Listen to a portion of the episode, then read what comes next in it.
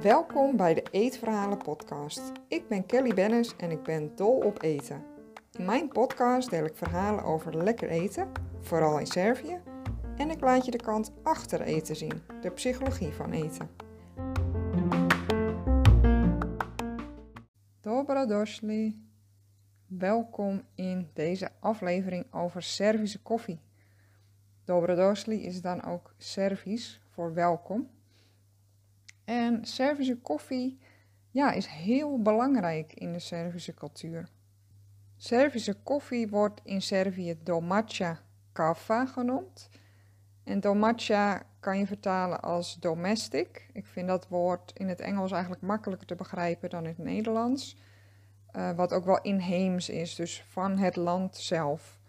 Dus je zou domaća kava kunnen, vrij kunnen vertalen als zelfgemaakte, huisgemaakte koffie. De manier die de Serviërs gebruiken om hun koffie te maken. Deze koffie wordt eigenlijk op elk moment van de dag kan het wel gedronken worden.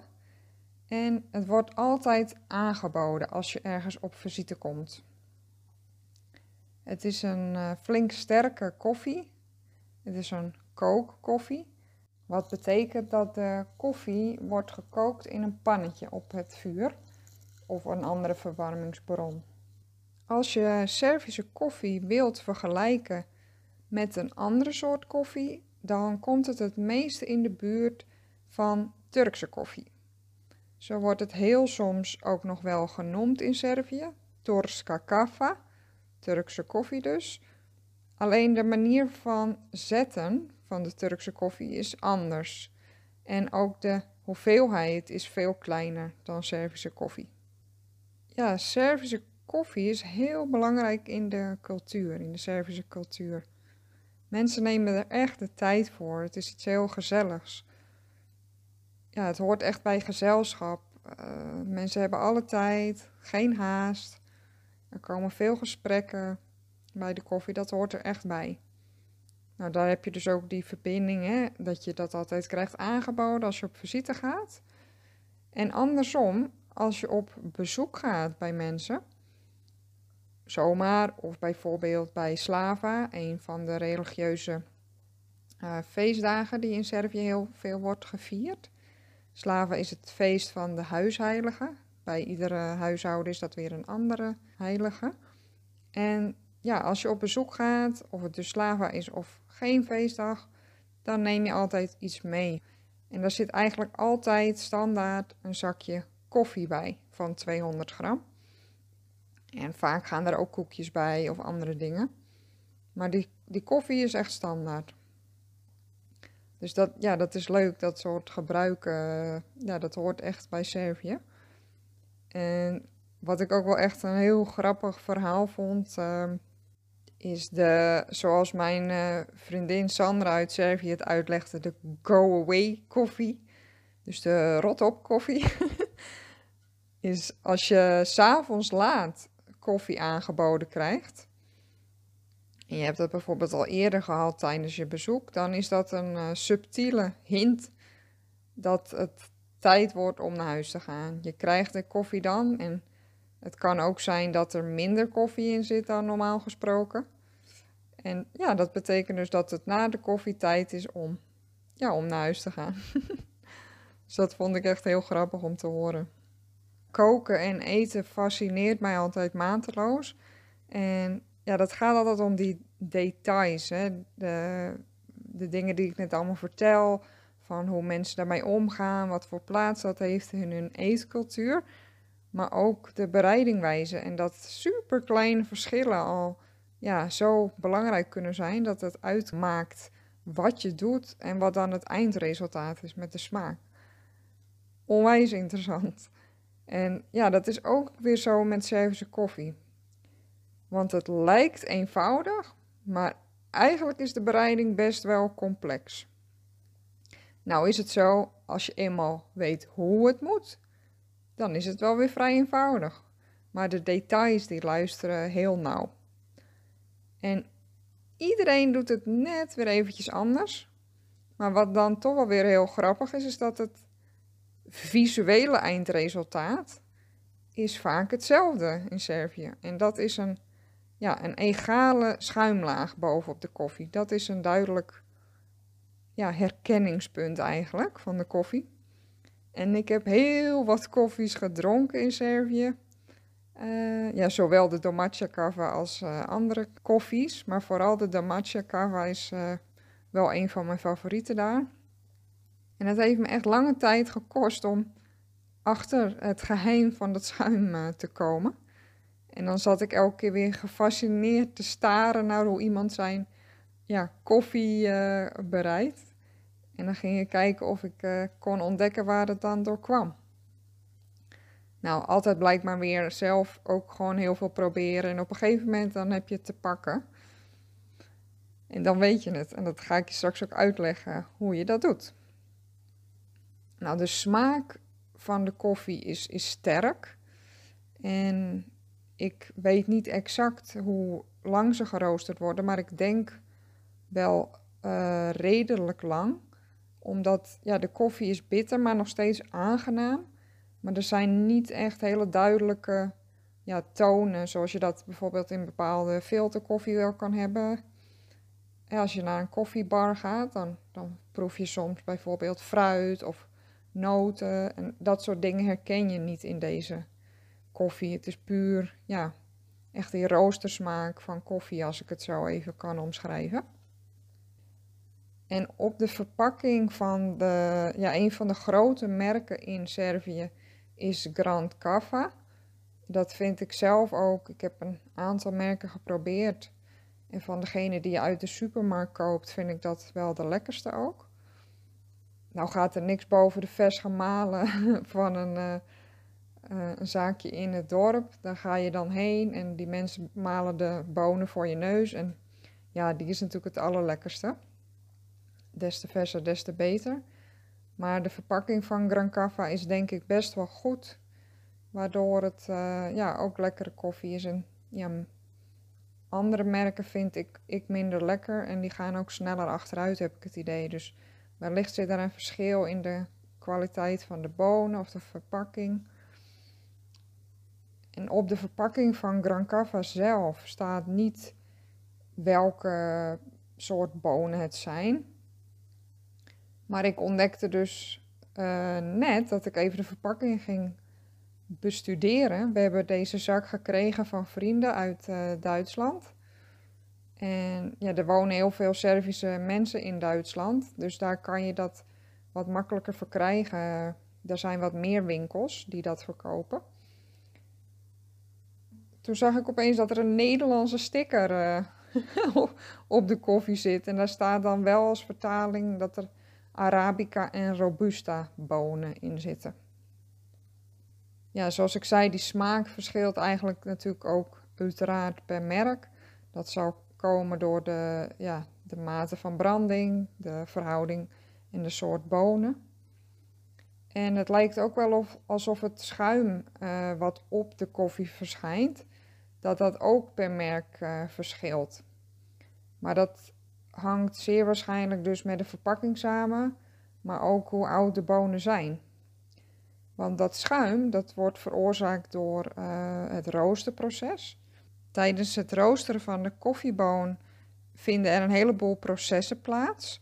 En is er ook kooldioxide, CO2, wat in de boon wordt opgeslagen. En wanneer die koffie, de gemalen koffie, in aanraking komt met water, dan komt dit kooldioxide vrij, de CO2. Waardoor dus die belletjes ontstaan op de koffie. En hoe ouder de koffie is, ja, dan ontsnapt dat CO2 vanzelf al zonder het contact met water. Dus ja, als je oude koffie hebt, dan uh, komt er ook geen mooie schuimlaag op. Dat viel mij ook echt op bij het um, ja, experimenteren met hoe ik koffie kon maken dat er soms helemaal geen mooie laag schuim op verscheen. Maar dat komt dus door de oude koffie. De maling van de koffie uh, is heel erg fijn. Het is nog fijner dan, dan filterkoffie. Ik heb hier nu de ja, twee soorten koffie voor mijn neus en de Gran Cava en uh, filterkoffie. Ja, en als je er eigenlijk heel goed naar kijkt, dan zie je dat de filterkoffie, die heeft een beetje de grootte van zandkorrels. Uh, ik heb even in het boek van uh, Harold McGee gekeken over eten en koken. Fantastisch uh, boek met echt ook scheikundige processen qua eten erin. En daar worden heel veel dingen uitgelegd, dus dat je snapt waarom bepaalde dingen zo gaan met koken, met eten. Alle processen die daarbij ja, plaatsvinden, super interessant. De Engelse titel van het boek is uh, On Food and Cooking.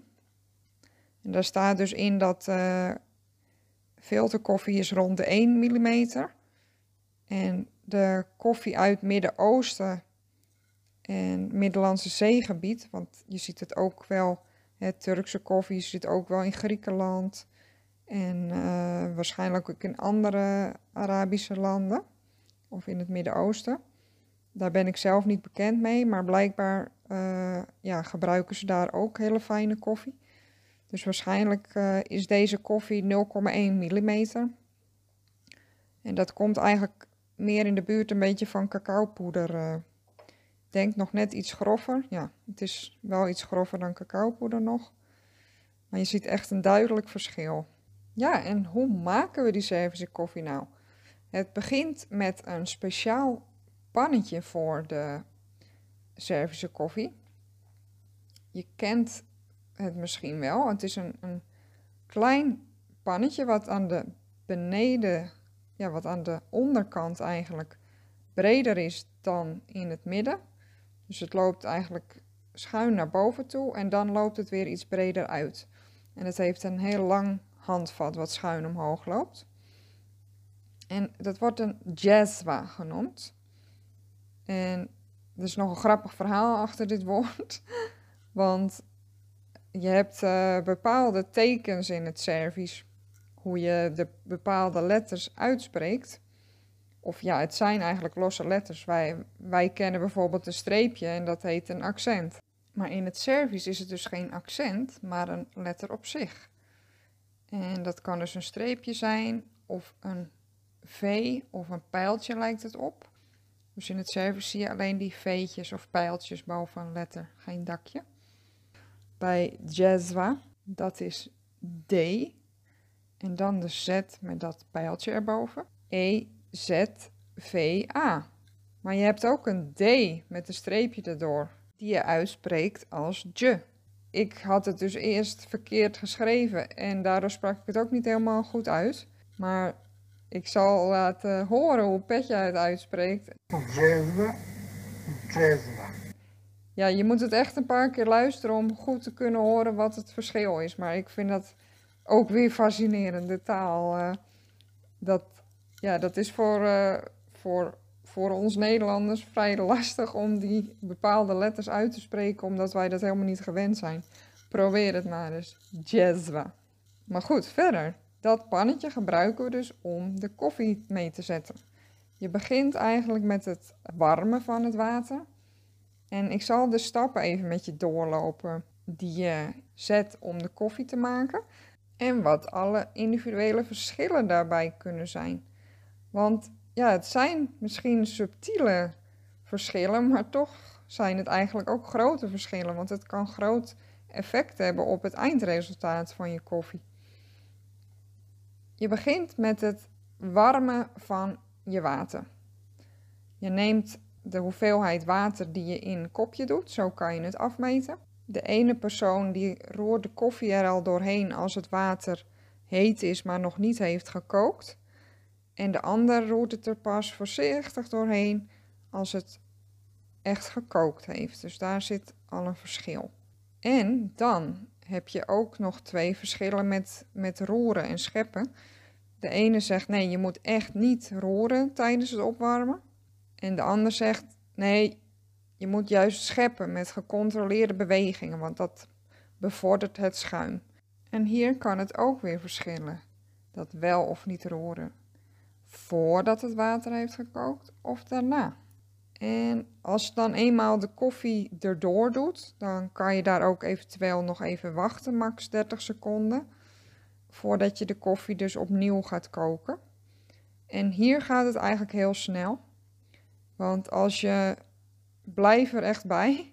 Want als je een split second de andere kant op kijkt, dan uh, is je koffie overgekookt. En ja, dan is ook je schuim verdwenen. Dus dat, dat is echt zonde. Ik zal jullie even laten horen. Ik neem jullie mee in de keuken hoe ik de koffie maak.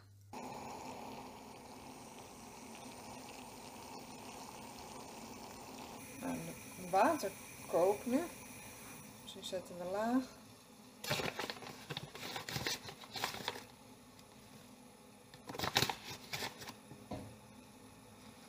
Van het vuur af, want als je er dan koffie bij doet, dan kan het heel makkelijk overkoken.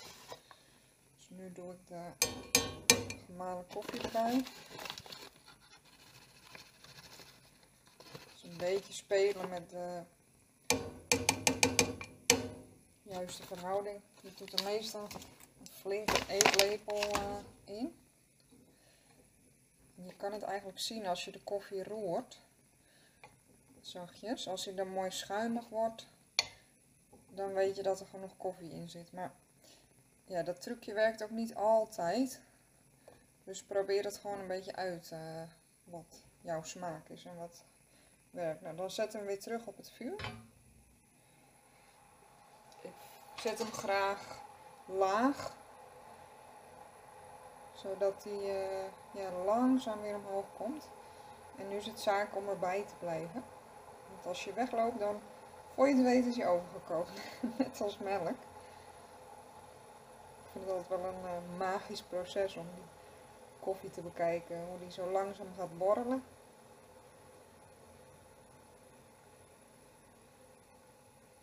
Kijken of ik dat kan laten horen.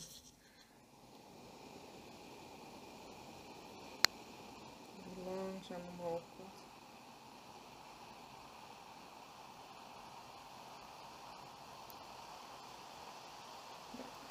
Gaat hij echt bruisen. En de koffie komt dan omhoog en er komt een grote bel uh, in. En dan weet je dat het tijd is om het vuur uit te zetten. Nou, en dan kan je hem in de kopjes uh, gaan schenken.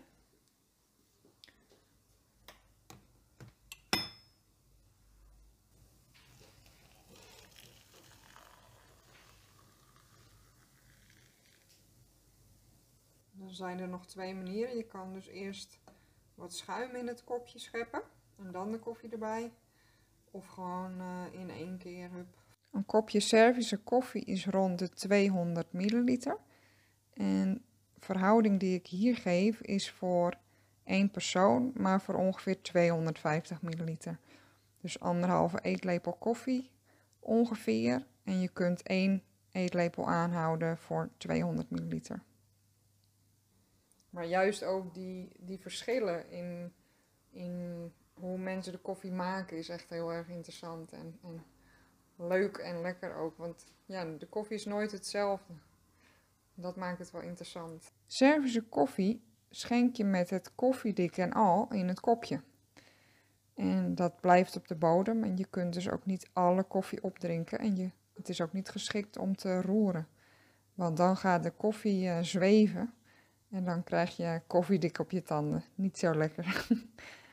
dus uh, als gasten niet bekend zijn uh, met Servische koffie, waarschuw ze dan even dat uh, ja, je niet moet roeren en voorzichtig moet zijn met het kopje leeg drinken. Niet helemaal dus. en dan het serveren. Als het eenmaal klaar is, dan wordt het geserveerd met bijvoorbeeld een ander drankje. Dat, uh, het is gebruikelijk dat je meerdere drankjes aangeboden krijgt in Servië. Dus naast de koffie ook bijvoorbeeld uh, kisela voda, dat is uh, ja, bruisend water. Of bijvoorbeeld frisdrank wil je er misschien bij. Of een glaasje sterke drank, rakia bijvoorbeeld. En dus dat is heel gebruikelijk. En het kan ook zijn, bijvoorbeeld op het platteland, dat zal je niet in de stad zo snel zien, wordt het met slatko geserveerd. Dat, is, uh, dat zijn vruchtjes in een dikke suikersiroop. Daar heb ik ook een documentaire over gemaakt. is een heel lekker en ja, interessant eh, product. Wat, ja, wat, je eigenlijk, wat echt verdwijnt. Wat je eigenlijk alleen nog op het platteland ziet. Dus het zou kunnen, als je mazzel hebt, dat dat erbij geserveerd wordt. En wat je heel soms nog wel ziet, is dat het met radloek wordt geserveerd. Dat is Turkish Delight, dus Turks fruit. Verder is het meestal zonder suiker, maar soms wordt wel eens gevraagd of je het met suiker wilt. En dan uh, wordt dat al meegekookt tijdens het proces. Maar ik heb dat eigenlijk maar heel weinig uh, meegemaakt dat, dat me dat gevraagd werd. Ja, eerder plaatste ik al eens uh, op Instagram een filmpje over de, de Servische koffie. En toen kreeg ik een leuke reactie van... hey, is het een soort cowboy koffie? En hij vroeg zich af of hij het ook zelf kon maken voor tijdens het wandelen, tijdens het hiken omdat, ja, oploskoffie vond hij maar smerig. Groot gelijk, het is vaak niet echt lekker. Ja, ik, ik ben op zoek gegaan of het uh, ook te maken is bijvoorbeeld met filterkoffie, waar ik het kort al even eerder over had. Maar je krijgt echt een ander resultaat dan. Het, uh, je, ja, je kan het dus proberen naast elkaar. Maar wil je echt Servische koffie, dan heb je ook Servische koffie nodig. Of je kan dus uh, naar een koffiewinkel gaan, vragen om bonen met een wat donkerdere roostering, zodat je echt roostersmaak hebt. En dus een hele fijne maling van 0,1 mm. Dan moet het goed komen. En je kan ook de Gran Cava uh, ja, op veel websites online vinden. En soms zijn er ook winkels, bijvoorbeeld in Amsterdam, die het uh, verkopen. Nou, Laat me weten hoe jouw koffie smaakte en uh, geniet ervan. Ik hoop dat je het leuk vond om naar deze aflevering te luisteren. En heb je andere vragen over de Servische keuken, over drankjes, over eten of de psychologie van eten? Laat het me weten. Ik vind het super leuk om jouw vragen te beantwoorden en daar een aflevering over op te nemen. Tot de volgende keer.